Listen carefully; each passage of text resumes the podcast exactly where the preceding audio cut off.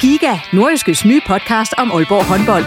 Vil du helt tæt på, hvad der sker i Danmarks største håndboldklub? Vi kommer selvfølgelig til at, til at gå all in. Så lyt til Giga, podcasten om Aalborg håndbold. Det går ondt på et hold som Aalborg, når man ikke leverer det, man gerne vil. Der sætter vi hver uge fokus på de vigtigste historier og største profiler. Dejligt at se, at han er den øh, afgørende faktor, som vi ved, han er. Lyt til Giga, der hvor du finder dine podcasts.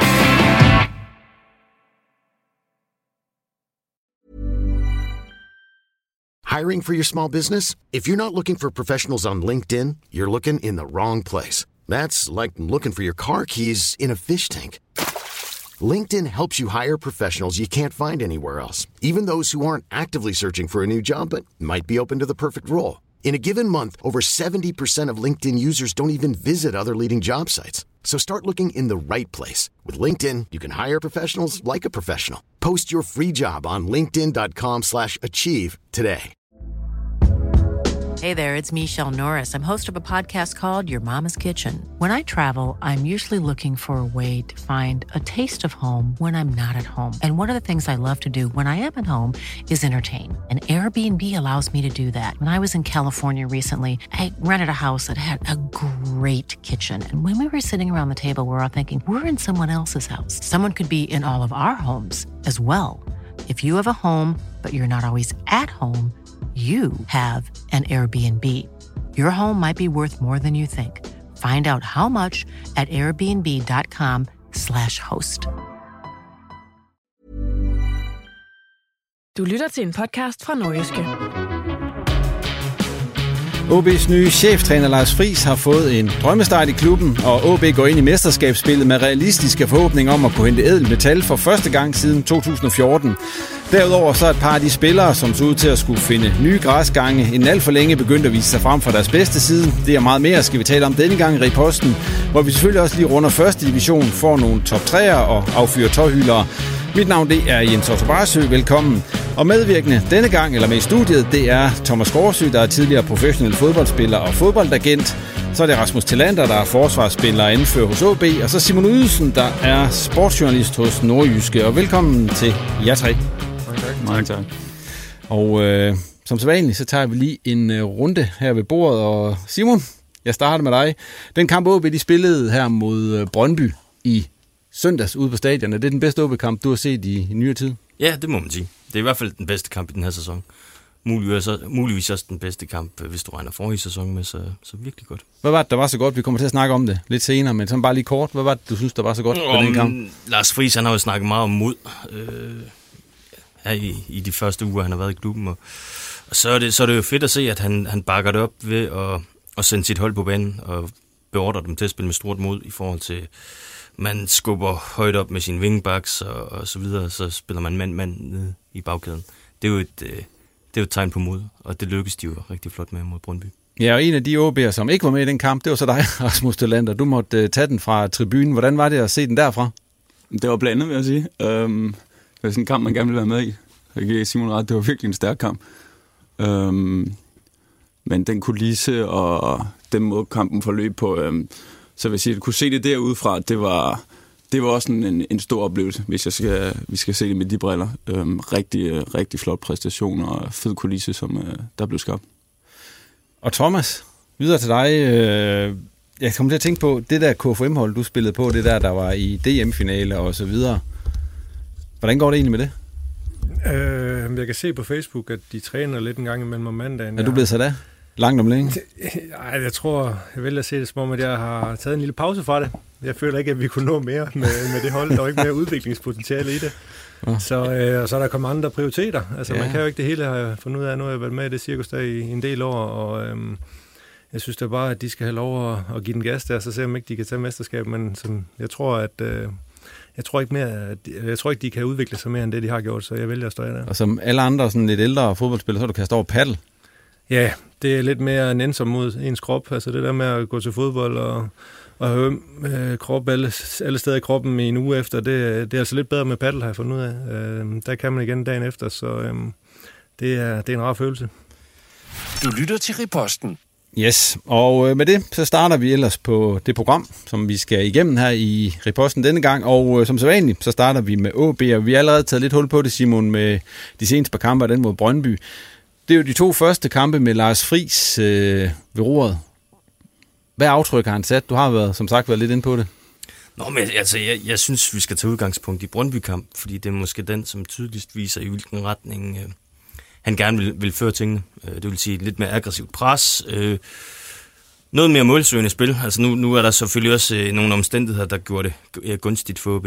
Øh, sådan uden at skal gå alt for meget i, i detaljer med det, så kan man sige, at Brøndby øh, kom til Aalborg og præsenterede sig i en forfatning, som ligger langt væk fra det, der gjorde dem til danske mestre, og det kapitaliserede OB flot på ved at, at virkelig kunne spille aggressivt. Og, og dermed også skabe mange dødboldsituationer, som man fik lagt et, et stort tryk mod, mod Brøndby på.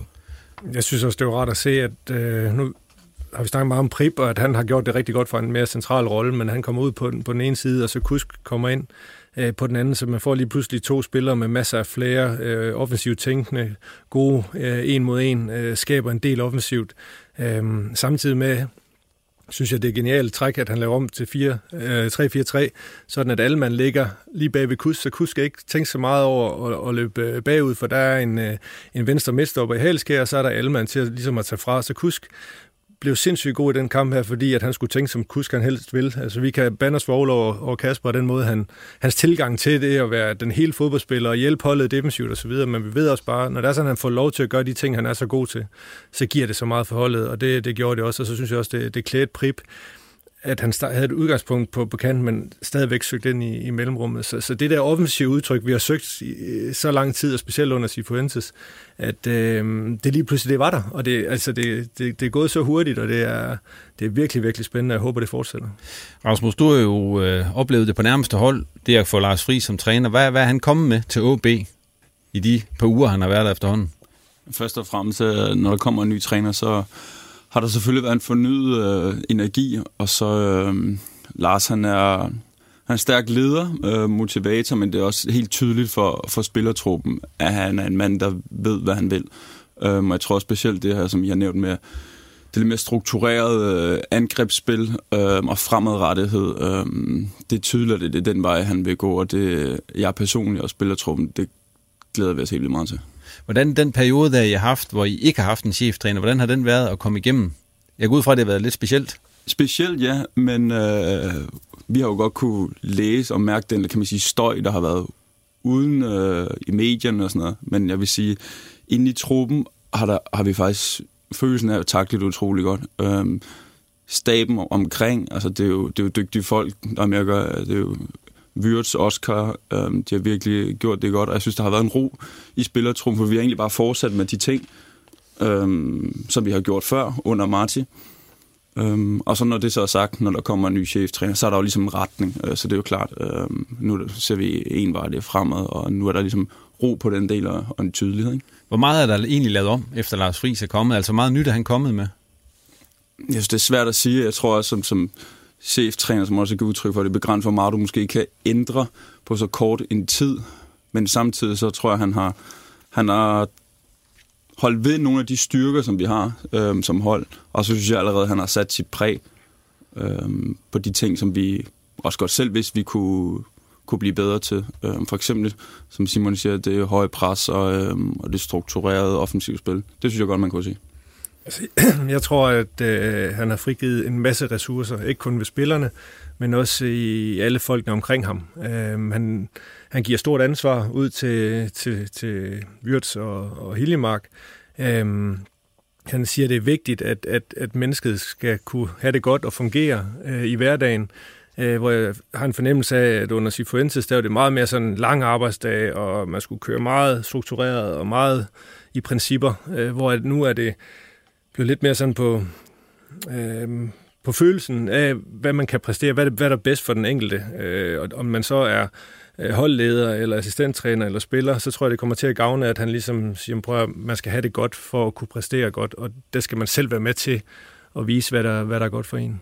Er det rigtigt, det der? Det kan jeg sagtens genkende til. Det er to forskellige ledelsestile, vil jeg sige, og jeg tror også, som, som Gårdsø siger, at, at Lars han når, han når bredere ud, øhm, og det synes jeg også, man kan se, at han har også selv givet udtryk for, at han godt vil bruge øh, de her indskiftninger som en, øh, som en styrke. Øh, så jeg tror også, at han når bredere ud i truppen og får, får folk til at føle sig vigtigere i truppen, men også som jeg, som jeg giver Gorse ret i, også i hele staben.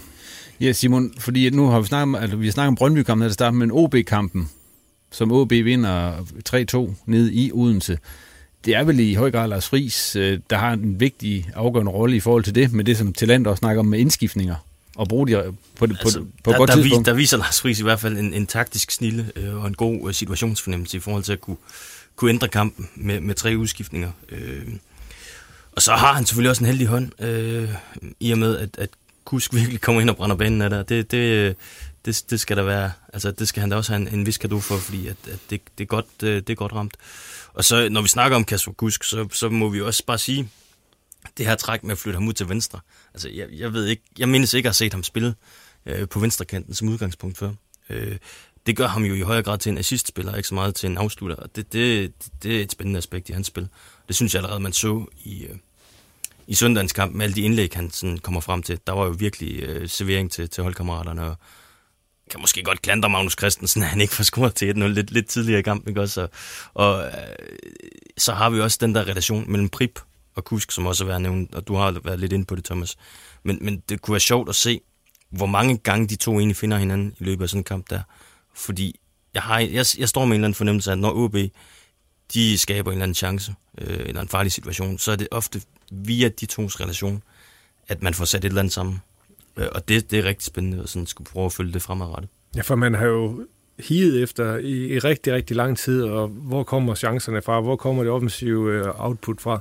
Øhm, og, og, og selvfølgelig, vi er meget, meget tidligt i, i Lars Friis øh, æren, men, men øh, lad os nu være positive og, og tro på, at det her det kun er starten. Og øh, i den forbindelse, så handler det lidt også om, som, som T også siger lidt, øhm, det her med at bruge mange spillere. Altså jeg synes jo, det er en fantastisk følelse, man sidder med det, og det er mega fedt. Han smider tre debutanter på banen mod, mod Brøndby. Jeg ved ikke, om man fører 3-0, men bare det at smide tre unge spillere ind og give dem 5-10 minutter, gør en verden til forskel. Uh, og det er meget mere vigtigt at give de her unge spillere 5-10 minutter, end det er at give en etableret de 5-10 minutter.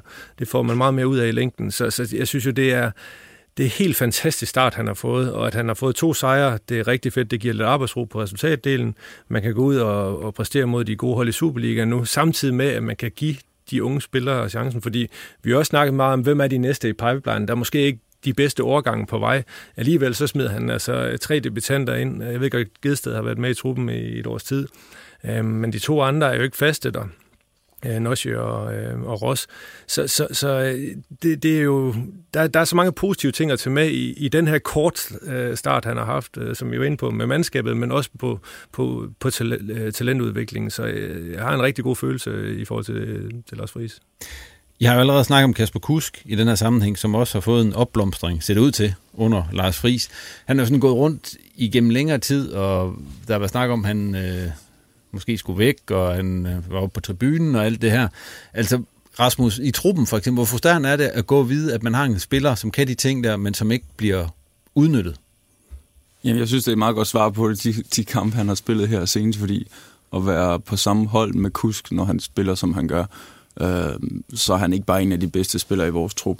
Øh, så er han også en af de bedste spillere i ligaen og rammer det der niveau. Der. Øh, så han er, han er en fornøjelse her på holdet, øh, når han spiller, som han gør de her, de her to kampe, fordi ikke bare selv, at han laver område, men han skaber virkelig også meget plads, og også, som vi siger, altså assist. Øhm, han er, jeg håber, det fortsætter. Men det er, det er jo lidt et eller andet sted irriterende, at, at, at, at det skal... Man kan jo spørge til også i forhold til træning, når man så er på hold med Kasper Kusk, og det sejler. Altså, så er det jo øh, lige så frustrerende. Øh, men, men jeg synes jo også bare, at Kasper han har lige præcis de ting, der skal til. Og hvis man kan placere ham med beskyttelse bagved, Altså, så synes jeg godt, man kan tillade sig at have en luksusspiller, fordi han kan så mange ting, øh, og det, det, det føler jeg, at der skal være plads til, og jeg synes jo, altså, hvis man, i forhold til sammensætningen, øh, Magnus Christensen, Alman og Kusk, nu ved jeg godt, T er temmelig sikkert væk, og det er Rene også til, til sommer, men de tre har OB-DNA i sig. Hvis de begynder at forsvinde, Børsting er væk, hvad er der så tilbage? Og det, det, den, er, den er farlig, så jeg synes jo bare, få nu bare forlænget med de tre der, og så håbe på, at uh, der er lidt penge til overs til, til, til lander, ikke? Altså, øhm, men men, men det, det, er vigtigt, det er vigtigt for.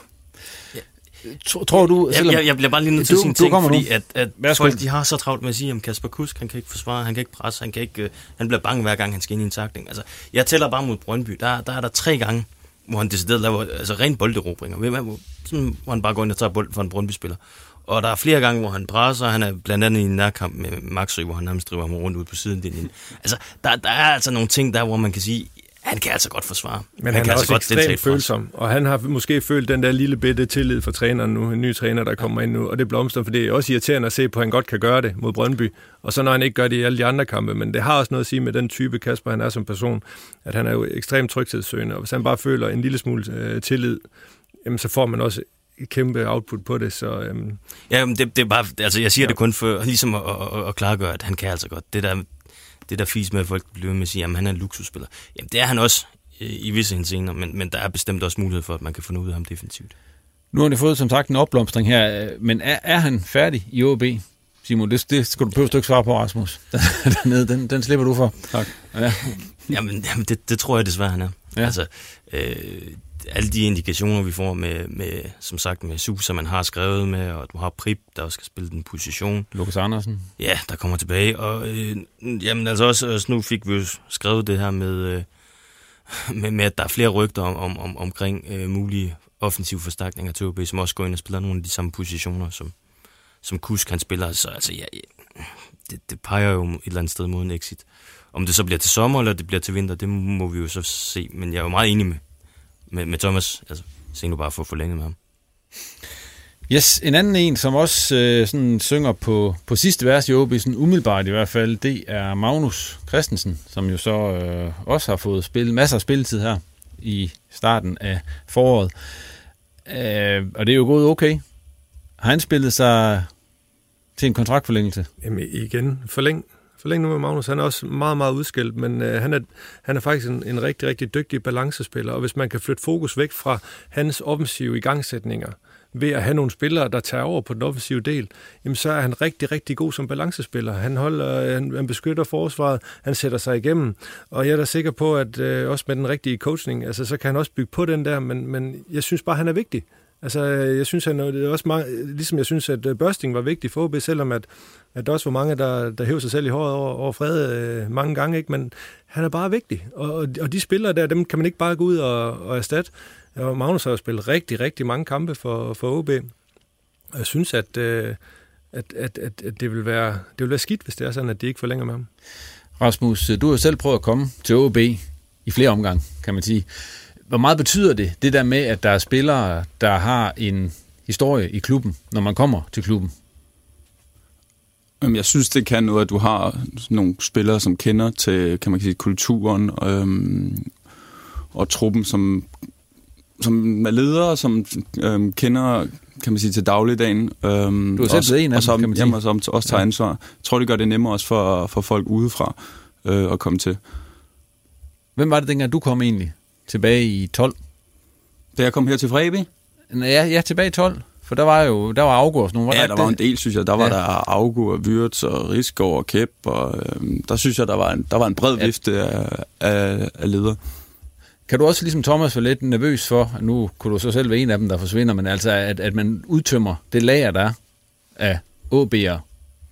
Jamen, nu er vi jo stadig nogen af os, som stadig er her, som Ja, ja, ikke det er jo se, at vi godt også kan være, at vi fortsætter her. ja.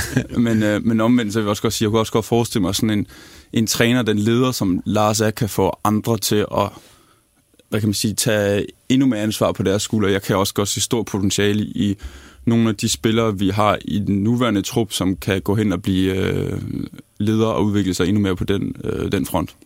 Ja, Simon, hvem er der tilbage? Der, der er Pallesen, der er, ja, der er jo stadigvæk ja, Talander. Alle, der er- Alman, Alman på en længere kontrakt, Ja. ja. og du har Ross. Altså, Ja. ja. Spørgsmålet er, hvornår han eventuelt skal, skal skydes af, men altså, så, så, så synes jeg, Rasmus har ret i noget af det der. Fordi at, at man kan jo se sådan en som Malte Højholdt, han vokser. Øh, og det er også spændende at se, hvad, hvad, hvad, hvad er hans øh, loft i OB. For det tror jeg bestemt ikke, han har ramt endnu. Hvad er din holdning egentlig til øh, Magnus C-debatten? Nu fik Thomas sagt, at man skulle forlænge. Er du enig i, at man skal for, forlænge med Magnus? Jamen altså, lige så stor fan jeg egentlig også har været af Børsting. Øh, øh lige så stor fan er jeg egentlig af Magnus, og jeg, jeg, på hans vegne kan jeg godt være lidt træt af, at folk de har så travlt med at, og, at skyde ham ned under gulvet, fordi jeg synes, han har nogle, nogle store kvaliteter, som ofte bliver overset, fordi at man kigger meget på spillet med bolden, men altså hvis du kigger på, hvor dygtig han er til at beskytte det rum foran for, for eksempel til Lander, så er han jo meget disciplineret der, og han, han er vidderligt øh, rigtig god til at, at bevare balancen på holdet. Og så bliver jeg bare nødt til at sige, at når vi så snakker om et mere offensivt OB-hold, med flere punkter frem ad banen, hvor man kan, kan ramme en, en kreativ spiller. Det vil også komme til at være en kæmpe gavn, altså en kæmpe gavn for, for Magnus, og sikkert også for Rasmus, og for mange af de spillere, der skal prøve at, at, at bære bolden op ned bagfra. Fordi at de punkter har bare manglet i spillet, og det kommer til at se dumt ud for sådan en som Magnus, som så ikke har nogen at spille bolden frem til, og så bliver nødt til at vinde eller spille tilbage. Så, så, så jeg, jeg, jeg ser helt sikkert, at der er et potentiale der, som man også skal løfte. Og der er også potentiale i ham der, til at blive fremtidig øh, leder. Han tog også et kæmpe ansvar i sidste kamp. Han ligger jo kæmper normalt med Pedro Ferreira om den der plads øh, som, som defensiv midtbanespiller. Rasmus, du har prøvet at spille sammen med dem begge to. Altså, hvad er forskellen på at spille sammen med Pedro og så sammen med Magnus? Øh, Pedro dækker et utroligt stort øh, rum, og jeg tror også, snart snakker om stats, men jeg tror, han er den, er den højst spilleste spiller i, i robringer. Øh, hvor Magnus, han har, han har en god ro over sig, synes jeg, øh, og er dygtig i det her kan man sige, opbygningsspil med at kæde, øh, med at kæde hvad kan man sige, det, forsvarslinje og få den vendt øh, længere frem, og så som går, synes jeg, er en god balancespiller. Og så tror jeg også på, at han er en spiller, som man godt kunne se kunne gå hen og tage større ansvar øh, og blive en fremtidig leder. En af de spillere, som jo også ja, normalt eller har været anfører, Lukas Andersen, leder, ham har der været masser af snak om. Han er på vej tilbage. Øh, han træner i hvert fald med for nogenlunde fuld, øh, fuld power, hvad jeg har forstået på det hele. Hvad kan man egentlig forvente? Altså, fordi der, der er udsigt til, at han kan komme back her efter landskampspausen. Ja, altså, jeg, jeg, jeg, er jo, jeg er jo ikke et sekund i tvivl om, at der vil være tårnhøje øh, forventninger. Det vil der per definition være til, til Lukas, fordi han, han har tidligere præsteret så godt. Men jeg, jeg, jeg må så også være ærlig at sige, at jeg tror ikke, vi skal forvente det helt store af ham her i foråret. Der skal han simpelthen have tid til at, at få lov til at spille sig selv i gear igen. Det kommer ikke til at blive sådan noget med, at han lige pludselig kommer ind, og så får 45 minutter. Han skal jo bygges øh, stille og roligt op med den skadeshistorik, han har. Hvad er dine forventninger, Thomas, til Lukas? De bliver nødt til at være høje, jo, fordi at han har, har vist, hvad han kan. Men omvendt har også været ude i, i snart et år med, med alvorlig skade, og øh, jeg tror, at OB vil gøre klogt i at, at lægge en plan, der gør, at han skal øh, involvere stille og roligt. Spørgsmålet er jo, hvor meget Lukas, han, øh, han er også meget fornuftig, så jeg tror også godt, at han kan købe præmissen om, at, at, at det er lidt af gangen, øh, for at du øh, kan stå øh, stærkest til, til den nye sæson. Øh, men altså, det bliver jo fantastisk at få, få Lukas tilbage, og, øh, og forhåbentlig rammer han, øh, rammer han det niveau, som vi ved, han kan, og undgår flere af de her skader, som, som jo ødelægger en stor del af hans karriere. Så altså, forventningerne, de, de er jo kæmpe store, men, men, men vi skal også være realistiske og give ham lige lidt tid. Øhm, og så håbe på, at, at de er enige, Lukas og trænerstaben i OB, om hvordan den, det her forløb det skal være. Du ser ham jo på træningsbanen hver dag, Rasmus. Hvordan ser han ud? Fremragende. Ja. Øh, men som vi siger, alle har jo store forventninger øh, til Lukas. Øh, mest af alt, som en god ven, så håber jeg jo, at han, øh, at han kommer tilbage øh, og spiller en masse kampe, og selvfølgelig finder øh, sit gamle niveau. Øh, så han skal, han skal bare tage al den tid, øh, han har brug for at gøre det i det tempo, som ham og fyserne øh, har lagt. Øh, men selvom han har været ude så længe, og vi træner med dem, vi gør, hver gang Lukas, nu er han jo kommet tilbage nogle gange efter skader, så er det altid en fornøjelse at se, når han kommer til, for han, han har et niveau, som ingen andre har, det han. Bliver sådan, tror, tror du på, at han kan blive joker for dem i det her mesterskab? Jamen, det kan man da håbe på, men altså, igen, vi kan ikke forvente, der skal han have noget mere tid til at komme, så skal han have noget mere tid. Altså, den er ikke så meget længere, for de kan ikke, øh, de kan ikke spille hasard med hans, øh, hans fremtid. Og så bliver jeg jo nødt til at give Rasmus ret. Altså, de, de træninger, jeg har set ham, hvor han er indgået i spillet, det er jo, det er, det er jo vildt. Så vender og drejer han bare som om, at, øh, at han er ved, ved ligne sig selv igen. Selvom det er en grusbane også. Kan ja, jamen, lige netop, det, det er jo nærmest provokerende over for nogle af de andre. Altså, de har været, de, de i topform, og så kommer han bare og, og vender og drejer, som han har lyst til, og så, så ser de dumme ud. Det, det, det er en fornøjelse at se på.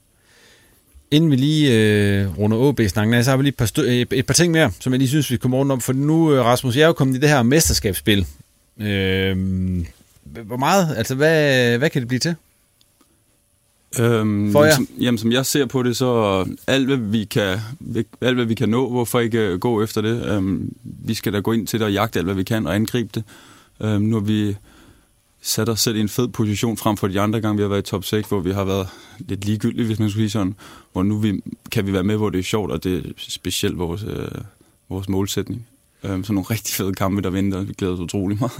Ja, i forhold til, altså, der, der må vel være en anden stemning, sådan internt i truppen, i, ja, forhold, til, til, til, i forhold til sidste sæson for eksempel. Jamen helt vildt. Altså, det, er jo, det er jo en glæde, men vi kan også godt mærke, at vi øh, det er også efter kan man sige, Lars er kommet til down til selvtillid i truppen, og det skaber en glæde. Øhm, så der er en optimisme, øhm, og selvfølgelig drømmer folk også. Øhm, så det er sundt, og det skal der være. Så tænker jeg også, at de resultater, de har haft her i foråret, ikke, med vinden over Midtjylland og vinden over Brøndby, dem skal de til møde igen, og det giver jo kæmpe øh, øh, positiv tilgang til øh, tingene, at man jo allerede ved, at man har vundet over dem, og nu skal man spille mod dem igen øh, to gange, og der er jo masser af pointer at, at spille om i forhold til medaljer. Altså, jeg, jeg ser i hvert fald OB som en meget, meget seriøs spejler til i første omgang bronze, og hvem ved måske også noget sølv. Jeg tror stadigvæk, at FCK øh, de ender med at løbe med det guld der, men, men, men bare lige for at vende Brøndby. Altså, nu var jeg lidt inde på, at de er altså ved at, de, de har sådan lidt en spilstilskrise. Øh, måske øh, kunne man også forestille sig, at Andreas Maxø, han ryger herinde for ganske kort tid. Der er i hvert fald, der er i hvert fald rygter om, at han skal en tur til USA og spille, og der er vinduet jo ikke lukket over, så han kan jo faktisk ryge i morgen, hvis det skulle være. Og der er jeg så spændt på at se, hvordan vil Brøndby så se ud, hvis han lige pludselig er væk. Og øh, det er jo en åben invitation til OB om, at nu, så kan de i hvert fald starte med at kravle op på den tredje plads, og så ser man også kunne hente Midtjylland, fordi de ser ved Gud heller ikke gode ud. Men OB trænger vel også til at vinde noget metal igen. Altså, du var med sidst, de vandt, Rasmus. Det var i 2014. Siden da, så det bedste, man har fået, det er en femteplads. Altså, hvis OB så ligesom skal bevare troen på, at man er en af de store klubber i Danmark, så skal man vel også snart til at stemple ind i det der.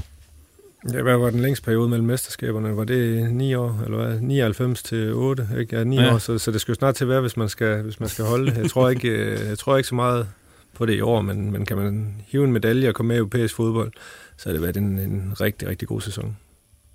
Kan I også mærke det ude ved jer, Rasmus? Altså, man trænger til det der igen nu i pokalfinalen for, hvad er det, det er par år siden efterhånden. Men at, at det er ved, 14, det er ved at være længe siden. Jeg er enig, men jeg synes også, som nu har jeg trods alt også noget erfaring at være en del af nogle forskellige trupper. Jeg synes også, at, øhm, at stille nogle krav til en selv, fordi jeg synes, at den her trup, vi har, altså sammensætning, altså den er stærk, at den er spændende. Øhm, og når jeg også ser på de andre hold, som går var inde på, der er ikke rigtig nogen af dem, som sådan, hvad kan man sige, frygter, hvor vi ikke føler, at dem kan vi vinde over. Så altså, som, som minimum skal vi da også sætte os op efter og få medaljer. Øhm, gå efter selvfølgelig, som vi har været dygtige til at holde fokus på at være øhm, at vinde øh, hver enkelte kamp og have fokus på den. Men jeg synes jo, potentialet er til det, øh, så hvorfor ikke gå efter det? Hvad tror du på, Simon, hvis du skal være helt ærlig? Jeg tror på, at øh, OB som minimum får bronze. Hvad siger du, Thomas? De skal have sølv, skal det ikke det? Skal vi ikke stille lidt højere? Ej, altså, hvis vi tager udgangspunkt i de her sidste par kampe med, med Friis, og specielt den seneste mod, mod Brøndby, hvis det er niveauet, jamen, så kan man lige så godt stile efter det allerbedste, måske, måske ikke lige, men, men, men i hvert fald sølvet.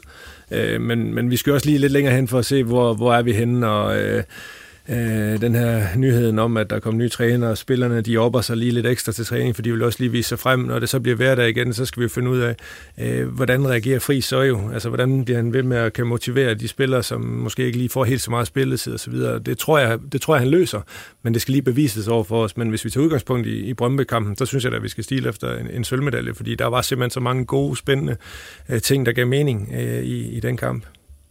Og Rasmus, hvad siger du? Jamen, som jeg sagde før, alt hvad der er inden for rækkevidde, øh, hvorfor, ikke gå, hvorfor ikke gå efter det? Så det? Jeg, jeg, jeg synes jo, potentialet er til det i truppen, øh, og som går, så, er det jo, så er det op til os selv. Øh, nu er der måske en lille smule eufori oven på den kamp, og det er jo klart, jeg vil også gerne være positiv, øh, og sådan er jeg også, og har drømme og ambitioner, så jeg stiler også inden for det, der er inden for rækkevidde. Lige inden vi...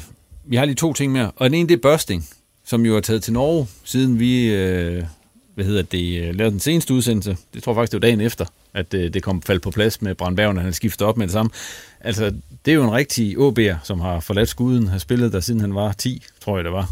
Hvad for et eftermæl får han i, i OB? Fordi det er jo ikke altid, der har været sagt lige pæne ting om ham. Ah, det, det, er måske en lidt grov sammenligning, men det er, også, det er ofte sådan, at, at man taler pænt om de døde, når de ikke er her længere.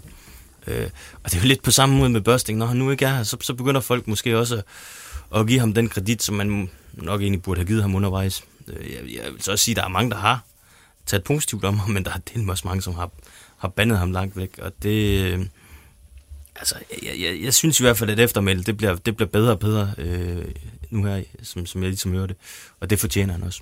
Thomas, du er jo igen for ham i sin tid. Var det en rigtig beslutning for ham at, at, at prøve noget nyt nu? Ja, det synes jeg, han også har haft ringet til mig. Han ringede også til mig den dag, at han havde været ude og sige farvel, inden at det blev, blev offentliggjort. Øh, fred er bare en, en fantastisk person. En rigtig, rigtig god dreng, som er virkelig under det, det aller, allerbedste. Øh, og jeg tror faktisk, uden at sådan, kan sætte tal på det, men jeg tror, OB har skabt bedre resultater, når han har spillet, end når han ikke har spillet. Og det er sådan lidt mærkeligt, fordi at folk de har jo været frustreret over, at han ikke kunne, kunne tæmme en badebold, og så for det næste, så, øh, så laver han et eller andet lækkert, men man har altid fået 100% fra, fra Frederik Børsting, og det, øh, det har jeg kæmpe respekt for. At man øh, som, som spiller erkender, at man ikke øh, kan drible 10 mand og sparke den op i hjørnet hver gang, men man kan æde med, med små ærmerne op altid og kaste sig ind i taklinger og løbe til blodet, det sprøjter. Altså, det, det er det eftermælde, som jeg synes, at han skal have, fordi det er det, han fortjener. Rasmus, du kan lige få lov at slutte den af. Hvad, hvad, kommer I til at savne ham derude? Ja, helt vildt. Altså først og fremmest, så, jeg har ikke hørt så meget omkring de negative ting omkring fred udefra, hvis, og hvad det så har været, det, jeg ved ikke, hvad folk forventer. Det er jo fordi, det der med, at han ikke kunne til en badebold ja, og så videre. det Fred står for, det, det får du hver evig eneste gang. Og jeg tror for alle trænere, der har haft ham, har han været en fornøjelse her, og for os spillere i truppen, ja, så er det en, du kommer til at savne, for han, han giver så meget af sig selv hver dag, altid i godt humør, og som går til fantastisk fyr. Øhm, men jeg under ham virkelig også, og jeg synes også, det var godt for ham øh, at komme op øh, til Norge og få et nyt eventyr, hvor at det lyder som om, at han kan få en, en stor rolle øh, og være leder deroppe. Øh, så det tror jeg bliver rigtig godt for ham. Ja, netop valget af Norges fodbold. Jeg tror, det passer ham fint. Altså, de kommer til en, til en stor klub, som har rykket ned som ambition om og skal tilbage i den, i den bedste række. Uh, han var fanget lidt i spil, uh, Fred, fordi at, uh, det blev først øh, clearet, at han måtte tage afsted, da AGF de dumme sig og, ikke, øh, altså, og gjorde, at OB de havnede i top 6, og så skulle det gå stærkt for ingen, ikke? så skulle han se, om han kunne, kunne få lidt penge med, før, før AGF-kampen der, for at vide, at han var meget vigtig øh, spiller for, for klubben, og det var det spil, der var, men jeg er glad for, at det lykkedes for, for Frede også nu, at han ikke skulle gå til, øh, til sommer, øh, selvom han ville have fået en rolle i, i foråret for OB, han ville have spillet kampe, ingen tvivl om det. Men det er det rigtige tidspunkt øh, for ham nu. Han er moden til det. Han har masser af, fodbold med i, i bagagen. Og som, som Rasmus også siger, at han kan komme derop og få en rolle, komme til at spille en, en position, som han gerne vil. Øh, som, som otter han tiltænkt op, og, og så bare få det her eventyr. Og så håber jeg virkelig, at han får et par, par gode år nu, så, man, så han også får muligheden måske for, for lige at tage steppet op igen. Fordi at øh, de kvaliteter, han har, dem, de er altså ikke selvskrevet nu om dagen. Altså, der, der, der er ganske få spillere, der har det der hjerte med øh, hele vejen igennem. Øh, og det, det, det håber jeg for, for, for Frederik Børsting, at, øh, at det, det kommer til at, at tage ham så langt, det overhovedet kan. Altså. Du lytter til Riposten. Simon, ja, det er nok mest dig, der kan sige noget om det her, fordi jeg har også lige skrevet, OB, de har jo siden vi optog sidst også tilknyttet ham, der hedder Lukas Barbalola. Ja. Hvem er han, og hvad kan han øh, bidrage med i det her setup? Han skal jo være analytiker, som jeg kan forstå det. Jamen, han er en, han er en ung gut. Øh, han stammer fra Holbæk. Øh, og har så været via HB Køge og ind i Lyngby, hvor han egentlig, øh, altså han var egentlig udsigt til at skulle være, være kronprins i, i deres trænerhierarki. Altså, der... Planning for your next trip? Elevate your travel style with Quince. Quince has all the jet-setting essentials you'll want for your next getaway, like European linen, premium luggage options, buttery soft Italian leather bags, and so much more. And it's all priced at 50 to 80% less than similar brands. Plus, Quince only works with factories that use safe and ethical manufacturing practices. Pack your bags with high-quality essentials you'll be wearing for vacations to come with Quince. Go to quince.com slash trip for free shipping and 365-day returns. Der var virkelig gode, øh, gode perspektiver for ham, så, så det kommer faktisk lidt bag på mig, at han har valgt at, at sige stop i Lyngby, og så hoppe til OB. Er det et scoop lige frem? Jeg hader det ord der. Ja, netop. Men, men, men, men øh... det er en klar gevinst for OB. Øh, også fordi, at det på andre områder vil kunne, øh, kunne frigive nogle, øh, nogle øh, ressourcer. Altså øh, Jim Holm Larsen, der har, har stået for den der analysedel, han kan lige pludselig måske få lov til at, at bidrage med nogle andre ting øh, i forhold til, til det daglige arbejde i OB. Og det, det bliver en helt klar gevinst for dem, plus at, at Lukas er dygtig til det, han skal lave nu. Ja, altså hvad er det, han helt nøjagtigt skal lave? Jamen, han skal lave den der modstandanalyse, han skal lave analyse af eget spil, og, og ligesom prøve at, at ud, udrede de der tendenser, øh, og så give det videre til trænerteamet, så de kan arbejde med det i det daglige arbejde. Har I mødt ham endnu, Rasmus? Ja, vi har mødt ham. Uh, ja. Han var med til reserveskampen nede i Hobro, ja. Ja. Hvad er dit indtryk? Om jeg har bare hilst på ham. Du har bare øh, hilst på ham, kort, altså, så, øh, I har ikke arbejdet med ham nej, ikke rigtigt? Okay. Har du hørt om Thomas?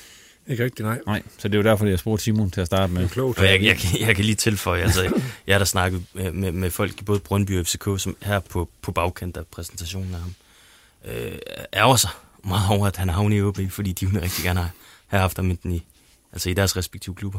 Så, så det kan da godt være, at vi skal svinge os op til at sige, at det er et scoop for OB. Du lytter til Riposten. Så gør vi det. Og øh, ved du hvad? Nu er vi jo kommet til det punkt i udsendelsen, hvor vi skal have nogle top 3'ere. Og øh, da Thomas han kom herud i dag, så sagde han, det første han sagde, det der top 3, jeg, jeg kan ikke komme med en top 3 i det der, du er blevet bedt om. Fordi I er blevet bedt om at komme med de tre største afbrændere, I selv har været vidne til live, eller et genbrug fra seneste udsendelse, de tre bedste bøger, film eller serie, du har læst eller set om fodbold. Og øh, Thomas, du holder fast i, at du øh, melder pas på begge. Ja, det gør jeg. Altså, den første har jeg nok fået for mange bolde i hovedet til, at sådan at kan huske øh, klart, hvad der skete igennem min karriere i forhold til brændte chancer. Og, og nummer to, da, da jeg sad og, lyttede til den seneste udgave af Reposten, der tænkte jeg, det er godt, jeg ikke er i studiet her, når jeg sidder og snakker om øh, bøger og fodboldserier øh, og eller sportsserier eller øh, så videre. Fordi jeg, jeg har ikke, øh, skal være ærlig jeg har ikke sådan, den store interesse i det her med at, at læse og, og, og se serier om, om fodbold. Så det er egentlig derfor, jeg ikke rigtig kan svare på det. Jeg ved godt, det er lidt, øh, det er lidt blankt, men Ja. øh, jeg kan sgu ikke komme med noget. Nej, nej, men det er også helt i orden. Øh, Det, man, man er jo ikke tvunget til noget. Men har du en anden anbefaling, så er du vil komme med. Kom, har du en anbefaling af noget, du har set, hørt, Altså, læst? jeg, jeg synes, at den, den fede serie, jeg har set, Ja, det, det, så det, det er jo Sons of Anarchy. Okay. De her motorcykel, den her motorcykelbande, den Ja. er med med fed, så den kan jeg klart anbefale.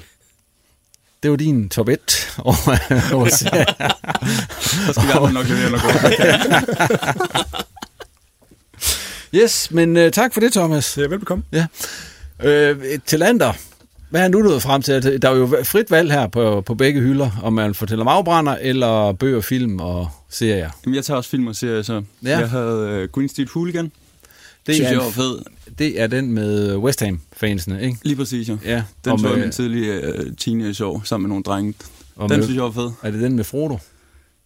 Er det ham, der også er Ja, det- det- det er nok en ham, der spiller Frodo. Yes. Jeg kan bare huske. Ja, ja den så der var nogle fede karakterer i den. Og sådan. Ja. Ja. Det var ret cool. Og Yep. så, øh, men så synes jeg, Amazon Prime laver nogle fede nogen faktisk. Øh, Jeg så den seneste med Rooney, hans dokumentar, men ellers så kan jeg godt anbefale øh, de her All or Nothing øh, dokumentar, hvor de går bag øh, klubber. Der har de lavet en fed en med City og Tottenham, men det kunne jeg godt forestille, at der er mange unge drenge, der fandt det interessant. Hvor de går helt bag om øh, deres sæson, øh, lige fra hvad de får, for de, hvad de får at spise, hvordan de træner, og den synes jeg er ret fed at dykke ned i. Ja, hvordan er det egentlig for jer at sidde og se de der, Rasmus? Fordi det er vel... Ja, det minder vel lidt om jeres hverdag. Ja, altså måske bare nogle andre faciliteter. men, det, men det er fedt at se jo, øh, fordi at se, hvordan de helt store gør det, og hvordan de, øh, de har, der er jo mange ting, som man kan genkende, men man kan også godt se det lidt på det andet niveau. Det er jo meget sjovt at se, hvor meget de har omkring staben, og, og fedt at se øh, sådan en træner som Guardiola, hvor passioneret han er. Han får de her store stjerner til at virke som øh, små drenge. Øh, det synes jeg er fedt at se. En serie, som mange synes er rigtig god af dem, der, det er jo sådan, der hedder Sunderland til at dig. Den har Thomas Gårdsø set. Den har du set tre afsnit? Ja, jeg tror, jeg har set tre. Hvorfor var, var du, også- hvorfor var du ikke gad se mere end tre afsnit af den? Jeg- Jamen, jeg hørte så meget godt om den, og, og, kom i gang med den, men den, den, den fangede mig ikke helt. Altså, jeg, synes, det er jo lidt det samme, de der tre afsnit der, så, så synes jeg egentlig, at jamen, det passer jo meget godt med alt det, der er skrevet om det, og det har man jo både hørt og set og været i, også selv da jeg var i England og så videre, så, så øhm, det er jo ikke, jeg mangler måske et, et overraskelsesmoment i den for mig. Okay. Simon, Ja, nå, men, jamen, jeg, har, jeg har fundet nogle... Øh, du, du, er det bøger eller film eller Nej, afbrænder? det er afbrænder. Det er afbrænder. Øhm, Jeg skal sige, afbrænder-kategorien var jo øh, med på foranledning af Rasmus, øh, eller undskyld, Magnus Christensens øh, afbrænder. Ja, og derfor synes jeg faktisk, øh, man, man har korttidsudkommelsen ikke leve, men altså, øh, den der, øh, han sparker over mål i søndags, øh, jeg bliver nødt til at tage den med, sådan, fordi den, den er jo svær at brænde, end den er score på. Altså, jeg tror, hvis du har lavet sådan en feberredning nede i Jeg den anden ende af banen, Jeg godt brænde den også. Ja, det kunne du sikkert gøre. men det er fandme flot forsvarsspil af ham, ikke også? Det, Ej, det, det er det, det, det, det, det var godt nok vildt. Jeg tror, Ja. ja. øh, jeg tror Kasper Kusk, han, han var lidt indebrændt over, at han ikke fik en assist på den der. Vi skal lige høre øh, til Lander. Har han hørt for den her i de efterfølgende, eller i, i går? Magnus? Ja, det har han. I har nævnt det for ham, ja. Ja, det har, det har Okay. han. Men også en type, der godt kan tage det, men selvfølgelig har han hørt for den. Ups. Ja, øh, så har jeg Søren, Søren Frederiksen øh, for HP's mesterskabssæson i 99. Ja. Øh, tror det er AGF, de spiller imod. Jeg er ikke helt sikker. Der var du med. Ja, men det igen, jeg kan ikke huske noget som Nej. helst. Jeg kan huske, når han hoppede rundt som en tosse, når han scorede. Ja. ja. Men, men her øh, tror jeg nærmest, han var begyndt at juble inden. For det var på et helt tomt mål. Altså, bolden kommer ind over, og øh, jeg tror, det er Lars Windfeldt, der bare øh, er væk. Han ligger og ruder rundt ud den ene side af feltet.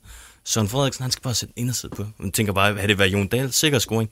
Søren Frederiksen, han vælger så at høvle en halvvejs øh, ud, af, ud af stadion, og tænker, det, det, det kan bare ikke være rigtigt, det der. Altså, vi sad sådan og diskuterede bagefter, kan, kan vise om, om, om han egentlig øh, havde spillet på, at han ikke skulle score. Altså, det var sådan, hvor man, vi kunne ikke helt forstå det. Nej. Den var i hvert fald stor. Var det, øh, er det noget, du har fundet på, at du var der selv? Jeg var der selv. Ja. Øhm, det er ikke... jeg, tror, det, jeg tror, det var en skoleudflugt. Eller sådan Okay, okay. Øh, ja. ja. Har du en tredje også så? Ja, øh, det er så øh, Rasmus Tillanders rigtig god kammerat, Magdalente. Ja, tak. Sådan. Jeg, jeg så ham jo en del, da han spillede i FC Vestjylland. Øh, og øh, der var han jo wing og angriber, og han, han skulle være the, the shit og score rigtig mange mål, og der, der har de så en kamp mod Randers. Jeg tror, jeg ved ikke, om det er hans debutkamp, men det, det, det er i hvert fald en af de første kampe, han spiller, efter han er kommet til klubben. Bliver skiftet ind. Rasmus Festersen, han stikker ham i dybden, er helt fri, afdribler målmanden, og i fuld balance, altså hvor man bare tænker, okay, vi er begyndt at juble, fordi nu er der mål. Så, så jeg ved ikke, hvad der sker, men han på en eller anden forunderlig vis, der, altså på tomt mål, to meter fra mål, eller sådan noget, vi er i hvert fald ikke ret langt væk, der, der formår han så at sparke den i siden af det. Øhm, og hele stadion, de, de sådan, altså, de sådan, det, det er vantro, man kan ikke rigtig, altså, Sådan der er lidt ikke nogen, der lige- kunne forstå det. Lidt ligesom i søndags. Nej, nej, nej, det her, det var værre. Det var værre. Fordi der var ikke en modspiller i Emils omkreds. Altså, Fik du sagt, hvem det var? Ja, det var Magdalene. Okay. Igen? Ja, det skal så siges, jeg tror faktisk, øh, bare lige til hans øh, oprejsning, mm. skal det siges, han scorer så faktisk et kanonmål senere i kampen. Øh, men, øh, men, men det var nok meget godt, fordi ellers er det været en lidt anden snak, jeg skulle have med ham efter kampen. Okay, men... Øh, Du tak. lytter til Riposten med Jens Otto Barsø. Ja. Tak for øh, top 3'erne. Selv tak. Ja, eller, eller sådan forsøget på top 3'erne.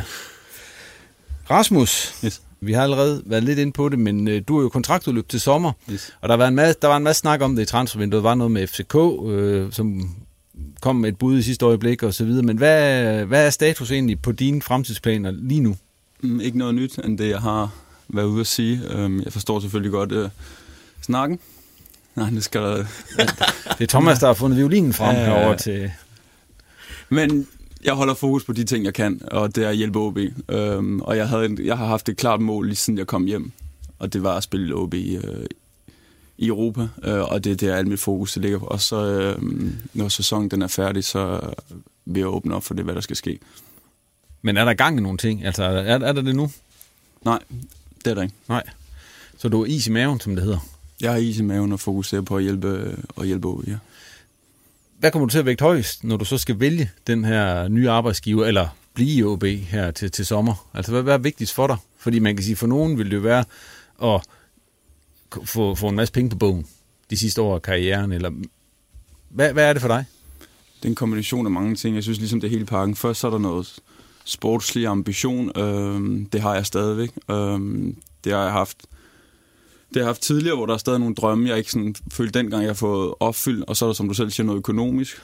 Og nu har jeg også en familie med to børn. Øhm, så det er ligesom, det er ligesom hele pakken. Øhm, om, det er, om det er OB, eller om det er, det er et andet sted, det må, det må tiden vise. Men øh, det, er ligesom, det er ligesom hele pakken. Så det er ikke sådan, du siger, at det overhovedet ikke bliver OB?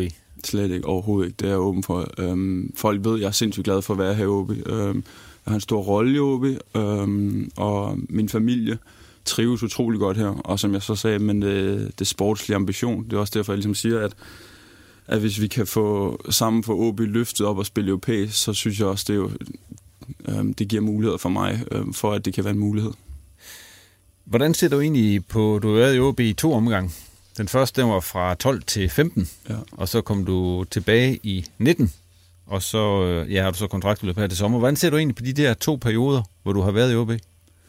Jamen, der var både det på og uden for banen. Øhm, uden for banen, øh, der, boede jeg, der boede jeg i en lejlighed sammen med, sammen med A.K. Jacobs på den tid, der var, og der var fart på. Og, øhm, hvor nu, når jeg kommer hjem, nu, nu har jeg lidt mere roligere liv med Villa og faktisk også Volvo, for det ikke skal være løgn, og to dejlige børn øh, ude på engene, og hvor der er lidt mere ro på at nyde den del. Øhm, og på banen, der er det... Øhm, det var en fantastisk tid, den første tid jo. Øhm, der var virkelig meget, der gik op i en høj enhed. Øhm, vi vandt det dobbelt, og vi var spille Europa, så der var sindssygt mange gode oplevelser. Og det, det var også det, det forbinder jeg jo også med Aalborg. Øhm, og så, øh, så er der jo den her tid nu, øh, hvor også uden, hvad kan man sige, faciliteterne også, synes jeg også gør meget galt, der ændret meget øh, fra den gang. Der var vi også underkendt, det var meget den gamle skole, men der var vi ligesom over det gamle. Øh, ja, over den der gymnastiksal uden vinduer, Ja, præcis. Ja. Gymnastiksalen var styrket, hvor vi styrketrænede gymnastiksalen, og vi, vi havde nogle sløje bænker og en knæ at hænge vores tøj på, øh, hvor nu, altså faciliteterne, det kan virkelig noget som fodboldspiller at møde ind, øh, hvor faciliteterne de bare er i orden, og man har lyst til at være der, man har lyst til at være der langt, man har lyst til at lave sine ekstra ting. Øh, det kan virkelig noget. Og så, så selvfølgelig OB har også taget udvikling med alt det her setup'et. Altså det er jo ekstremt så meget, der er sket. Øh, på stats og analytikere, og hvor mange træner der er. Altså det, har, det er jo en kæmpe udvikling, det har taget, og så det er nok en af de største. Du skal lige prøve at høre noget. Mm. Noget her, fordi at, øh, det er for dengang, du lige kom til OB. For 2012, jeg tror, det er første gang, du bliver interviewet til, til tv, hvor, der er hvor der er en, der spørger dig, hvornår du selv tror, du bliver Superliga-spiller. Hvor lang en periode har du ligesom sat for dig selv til, at der skal jeg være Superliga-spiller? Øh, man kan sige nu, i starten, så hvad det hedder, vil jeg gerne ind på holdet og så videre, så øh, nu hvad der, der kommer så de her to stærke midterforsvar, Lasse og Kenemi, men der kommer selvfølgelig skader og karantæne, så gælder det om for mig at være og holde mig så vidt muligt, så fit som muligt. Hold dig ikke ærlig overhovedet. Politikersvar, ja, kalder man vist det der. Svar, mand. Ej, jeg hold, kan ikke holde ud at høre mig selv. Vi har faktisk hele indslaget, der ligger, så det kan være, det er skud på det der OB. Ja, vi har på en ung talander, der lige kom til OB. Det var også vanvittigt, de fik lov til at spille så meget, de to. Specielt Kæp, jo. Nej, det var gas. Men øh, du blev Superliga-spiller, inden, inden, der, inden der var gået så længe engang. Men øh, nu har du allerede været inde på, hvordan, øh, hvordan klubben har udviklet sig videre. Her efter du kom tilbage anden gang, har du også fået... Øh, der var der ikke tvivl om, at du skulle være Superliga-spiller, da du kom tilbage her til, til OB anden gang. Hvordan har den der rolle været som at, at komme tilbage og så få alt det ansvar at være en leder og også være anfører nu?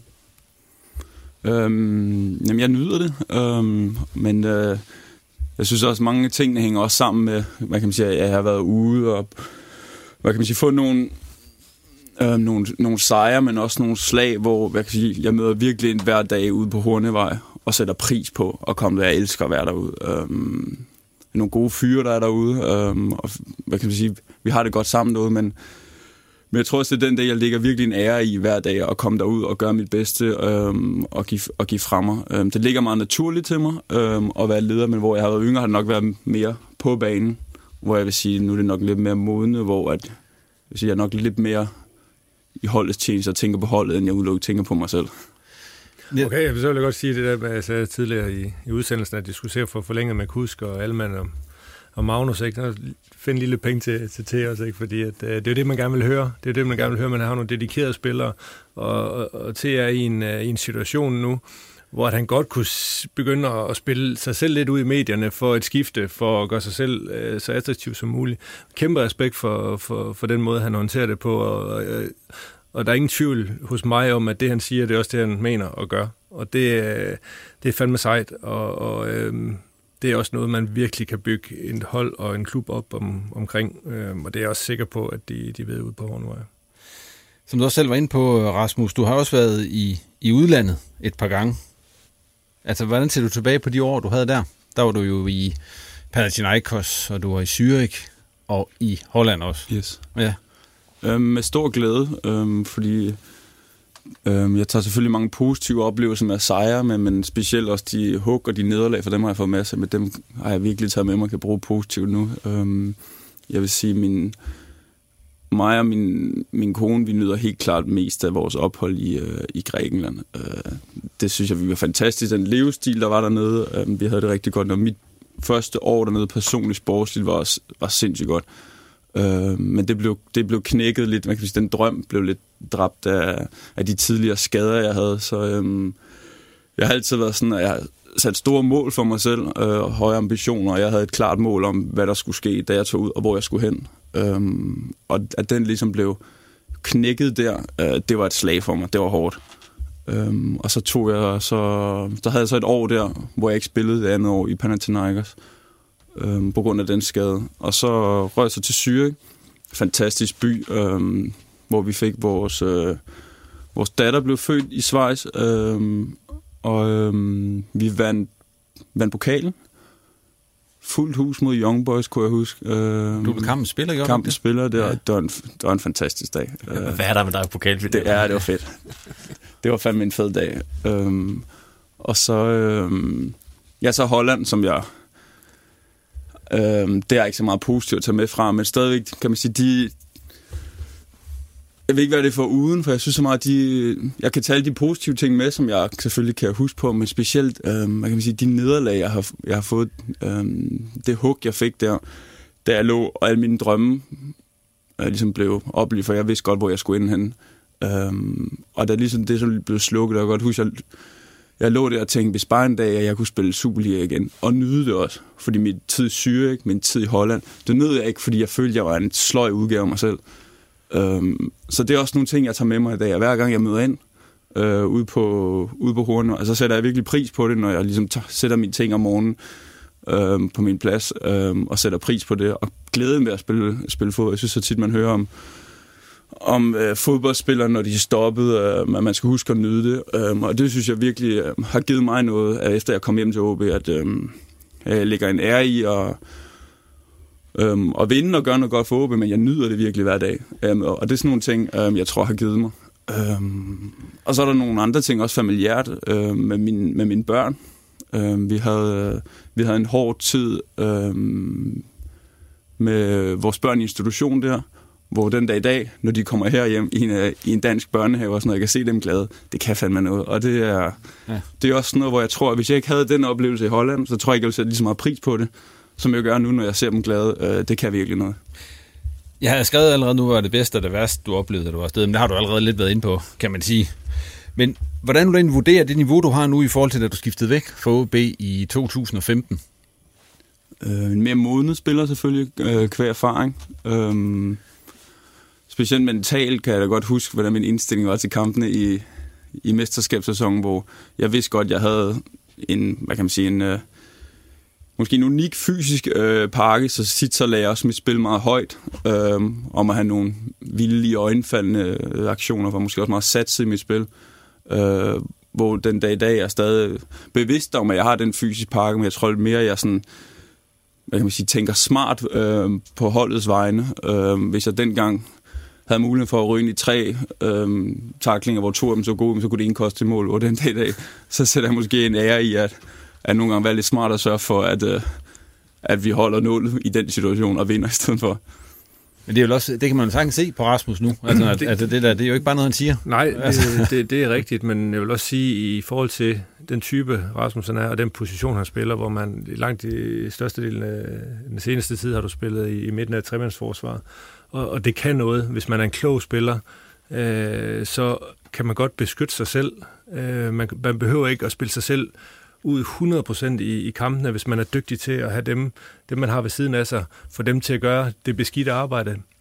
Jeg havde også en periode, da jeg spillede i England, hvor hvor jeg spillede i, i midten af tremandsforsvaret, to store øh, gutter ved siden af mig, ikke? og de, øh, jeg fik jo dem til at gøre alting til alle duellerne, og så løb jeg ryddet op og fik bolden og satte tingene i gang og sagde, wow, ikke? Altså, og det er lidt det samme her, man, man, man, man stresser ikke sin krop på samme måde, fordi at Rasmus jo har, øh, har alderen, han har rutinen og dygtigheden og forudseende i forsvarsspillet, og så øh, kan, kan få nogen til at, at, at tage mange af de her, øh, i hvert fald de hårde løb og så videre, altså duellerne, øh, dem elsker han jo og er verdensbedste, øh, verdensmester til. Men, men det gør altså noget, at man kan spille i midten af et tremandsforsvar. Øh, også på den fysiske del, som han jo også har døjet med i, flere gange i sin karriere. Og det er jo også fantastisk at se, at, at det hele bare går op i en høj enhed. Synes jeg, Rasmus han er lige så god nu, som han var, da han forlod OB dengang? Tilbage i 15? Jeg vil sige, på nogle parametre, han, du har jo selv været lidt inde på det i forhold til, til lidt mere omhu og mere klygt. Altså, det, det er jo, ja, altså, der, der er han jo en bedre udgave. Klart bedre udgave. Han er, han, er en mere vigtig udgave.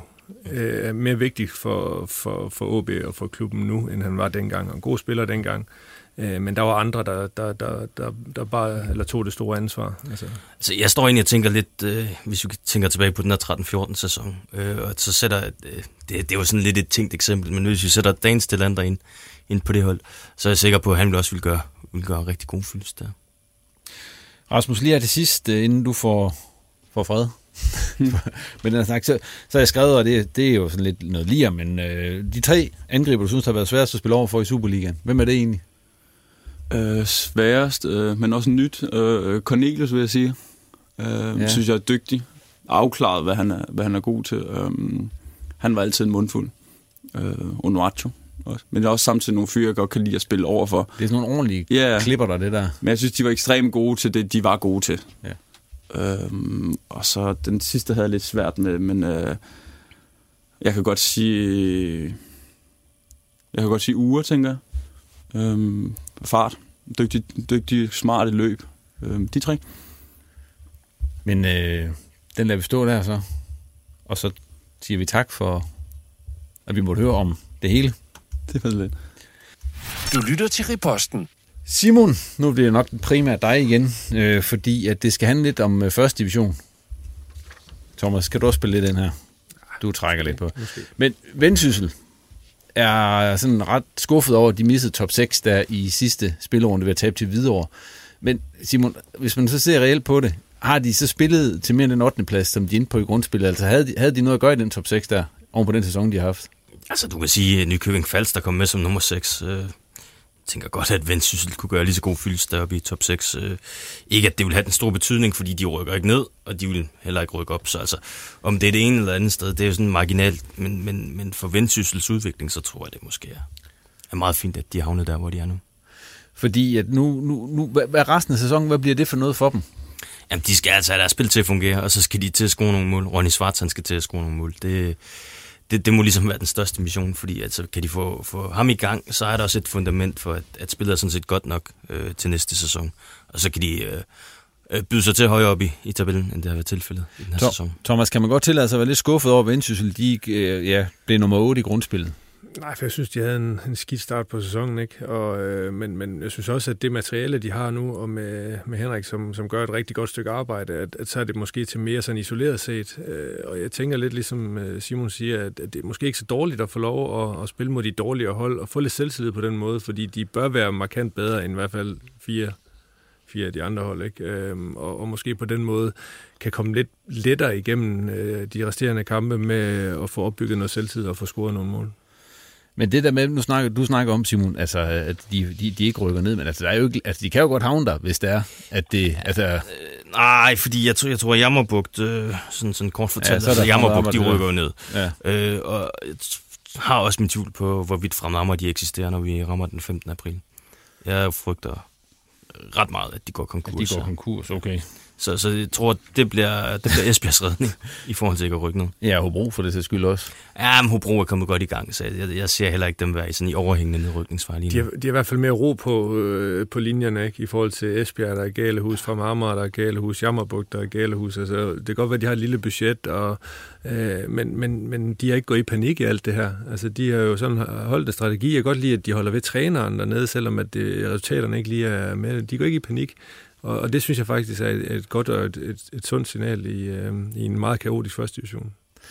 Ja, fordi nu øh, Hobro, Simon, de har jo ligget under stregen. De har så startet øh, foråret med at vinde tre kampe, og så spille en uafgjort på udebane mod, mod Fremad Amager. Jeg kan høre på, du tror ikke på, at de kommer til at ligge dernede igen? Nej, fordi øh, Martin Thomsen har fået skabt noget bund i det hold, som, som gør, at, øh, at de står bedre øh, i det her indbyttes opgør mod de andre bundhold. Altså, man kan sige, det kan godt være, at de kommer til at vinde øh, tre kampe i træk igen, men de kommer heller ikke til at tabe tre kampe i træk. Og det, det sidste er måske det vigtigste. Og så igen, altså jeg bliver bare nødt til at sige, at jeg tror fra Marmor går konkurs. Øh, og hvis ikke de gør, så er de i hvert fald i en forfatning, hvor de stadigvæk skal, skal, skal kæmpe meget for at overleve. Og, øh, og Jammerbugt, jamen altså, jeg ved, jeg ved ikke, hvad de er gang i. Jamen, det er der ingen, der gør. Men altså... det er bare så sørgeligt, det der med armbånd. Og kæft, man alle de mennesker, lokale folk, der har bygget noget, der er så øh, bundsolidt op, og Bo, der har øh, lagt øh, så mange timer i det, og blod, sved og tårer fra alle mulige folk, at, det bliver, at de bliver pisset op og ned af ryggen af en eller anden latterlig udlænding, der kommer og skal spille smart med en eller anden øh, rugekasse, som ikke øh, fungerer. Jeg synes, det er så synd, fordi lige om, lige om lidt, så er han væk, og så er Jammerbuk væk, og så alt det hårde arbejde, der, der er gjort igennem så mange år, at det har været fuldstændig øh, spildt. Øh, jeg synes, det er, det er så ærgerligt at græmmes over, at uh, sådan en tosse der nede fra Tyskland, at han kommer og skal, skal tro, han kan alt muligt. Men det, der var jo, øh, altså hvis vi egentlig skal snakke lidt om Jammerburg, jeg har sådan lidt, øh, lidt loren ved det, fordi der, det har jo ikke særlig meget at gøre med nordjysk fodbold længere. Ja, de, de, de, satte jo en, de satte jo en bemærkelse Netop, rekord. Og det ja. Altså 11 udenlandske spillere fra start, og øh, ikke en eneste dansker skiftet ind øh, i deres øh, seneste kamp, og det, ah, det, det har vi ikke set før. Men det er så forfærdeligt. Det, det håber jeg heller ikke, vi kommer til at se de efter. har haft en altså. plads... Øh, oppe i Pandrup i, i nordisk fodbold, øh, ja, for, mest i anden division af Danmark og, og lidt i første division, men, men de har bare de har betydet noget. De har haft øh, et godt de har været et godt sted i fødekæden, for der er rigtig mange øh, talenter for OB, der ikke øh, får professionel kontrakt, som kan komme derop og blive udviklet. Og vi ser flere spillere, der går, går den vej igennem Jammerburg til første division og til Superliga. Og, og, og derfor har de et, et vigtigt sted, og det sted, det mangler nu. Og, og det er simpelthen øh, det er så forfærdeligt. Tror du, hvis de rykker ned i Jammerbugt, at de er her på den anden side af, af sommeren? Ja, de skal nok være der en eller anden afskygning, men jeg, jeg tror øh, ikke, at Claus Dieter Møller han er her. Du lytter til Riposten. Yes, og vi lader lukker første division ned for denne gang, og så går vi videre til det sidste punkt på øh, programmet for i dag, og det er som sædvanligt tårhylerne. Og øh, Simon, skal du have lov til at starte i dag? Ja, det, det kan jeg godt. Øh, jeg, jeg kan jo aldrig begrænse mig, så må, Nej, jeg, må jeg komme med to. Øh, du har en til begge fødder, så. Ja. ja. Øh, så starter vi med, med venstrefoden, og det, det er Jakob Allmann. Ja. Øh, jeg synes, øh, det, var, det var fantastisk at se ham igen. Øh, nærmest genfødt i søndags mod, mod, mod Brøndby. Øh, og, og det var det niveau, som man forventer øh, fra Jakob Allmann. Det var den energi, man forventer fra Jakob Allmann. Han ejede den der venstre side, som med Kasper Kusk, og det, det var bare fedt at se. Så det var den ene, det var din venstre tog. Hvad med ja. højre tog, hvad går den til? Jamen, øh, den får Hobro. Øh, vi har godt nok lige været inde på det, men, men at komme ud og lave 10 point i fire kampe, øh, på den måde, som, som de lykkedes med at gøre, øh, det, er, det er sgu imponerende. Altså, virkelig. Øh, så det skal de også have noget, noget kado for. Så det er jo to positive tårhylder. Har du også en positiv tårhylder, Thomas, eller er det en negativ af slagsen? Nej, den er, den er, den er positiv. Øh, og så har jeg en halv lille en, der skal give god vind, men den kan jeg tage bagefter. Ja, ja. Den første, den positive, det er, at øh, jeg synes, det er, det er dejligt at se, at Eriksen er tilbage på landsholdet. Altså, øh, jeg synes fandme, det er, det er en vild historie, det der, og vi er alle sammen berørt af det på en eller anden måde. Øh, men at se ham tilbage, eller blive udtaget, og så forhåbentlig får vi ham at se også her i, i de næste par kampe, der, det synes jeg, det skal en kæmpe positiv tårhylder.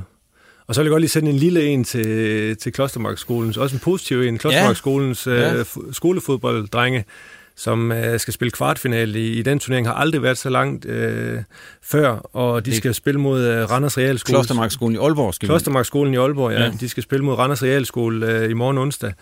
Øh, en skole, som øh, jeg selv gik på øh, ja, i 94 og 95, ja, nu kommer hvor det. vi øh, spillede skolefodbold og var i finalen i parken i begge årene. Og øh, vi vandt 2-0 i, i begge kampe, og jeg scorede et mål i begge kampene, og blev kåret til fighter i den anden der. Så jeg, jeg mener stadigvæk, at, øh, at jeg må have skrevet skolefodboldhistorie, og den her historie, den har jeg sagt mange gange til Sønneke derhjemme. Ja, han er med på Klostermarkskolen. Han er med på Klostermarkskolen, ja. ja. Øhm, og han er ved at brække sig over og høre på det, men øh, det er lidt af de der små moments, man kan, man kan tænke tilbage på. Men i 94 og 95, der, der var vi selv i, i parken. Det var mega fedt. Så en positiv tårhylder til, til, til Klostermarkskolens drengene i morgen. Har du spillet skolefodbold i parken, Rasmus Talander? Nej, det har jeg ikke, Nej. desværre. Men vores, vores skole, Lindehøjskolen, vi var faktisk i finalen to år i streg, hvor jeg ikke var med, jeg var ikke gammel nok. Ah. Men da jeg så var 9. kan jeg huske, så var der en skole, så jeg så skulle starte i 10.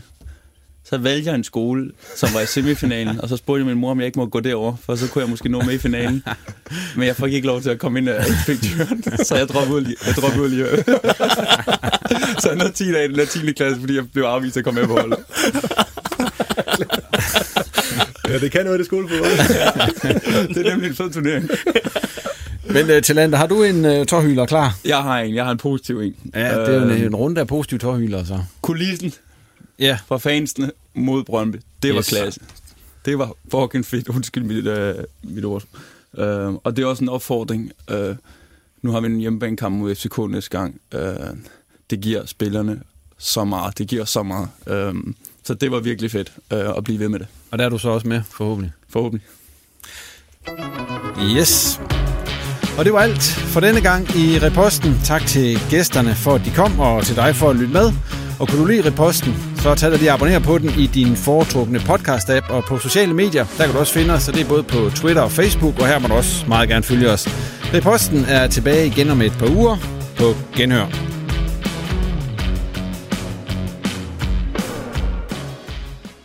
Du har lyttet til en podcast fra Norgeske. When you make decisions for your company, you look for the no-brainers. And if you have a lot of mailing to do, stamps.com is the ultimate no-brainer. It streamlines your processes to make your business more efficient, which makes you less busy. Mail checks, invoices, legal documents, and everything you need to keep your business running with stamps.com. Seamlessly connect with every major marketplace and shopping cart. Schedule package pickups and see your cheapest and fastest shipping options from different carriers with rates up to 89% off USPS and UPS rates. And with the stamps.com mobile app, you can take care of mailing and shipping wherever you are. Make the same no-brainer decision as over 1 million other businesses with stamps.com. Sign up with code program for a 4-week trial plus free postage and a free digital scale. No long-term commitments or contracts. That's stamps.com. Code program.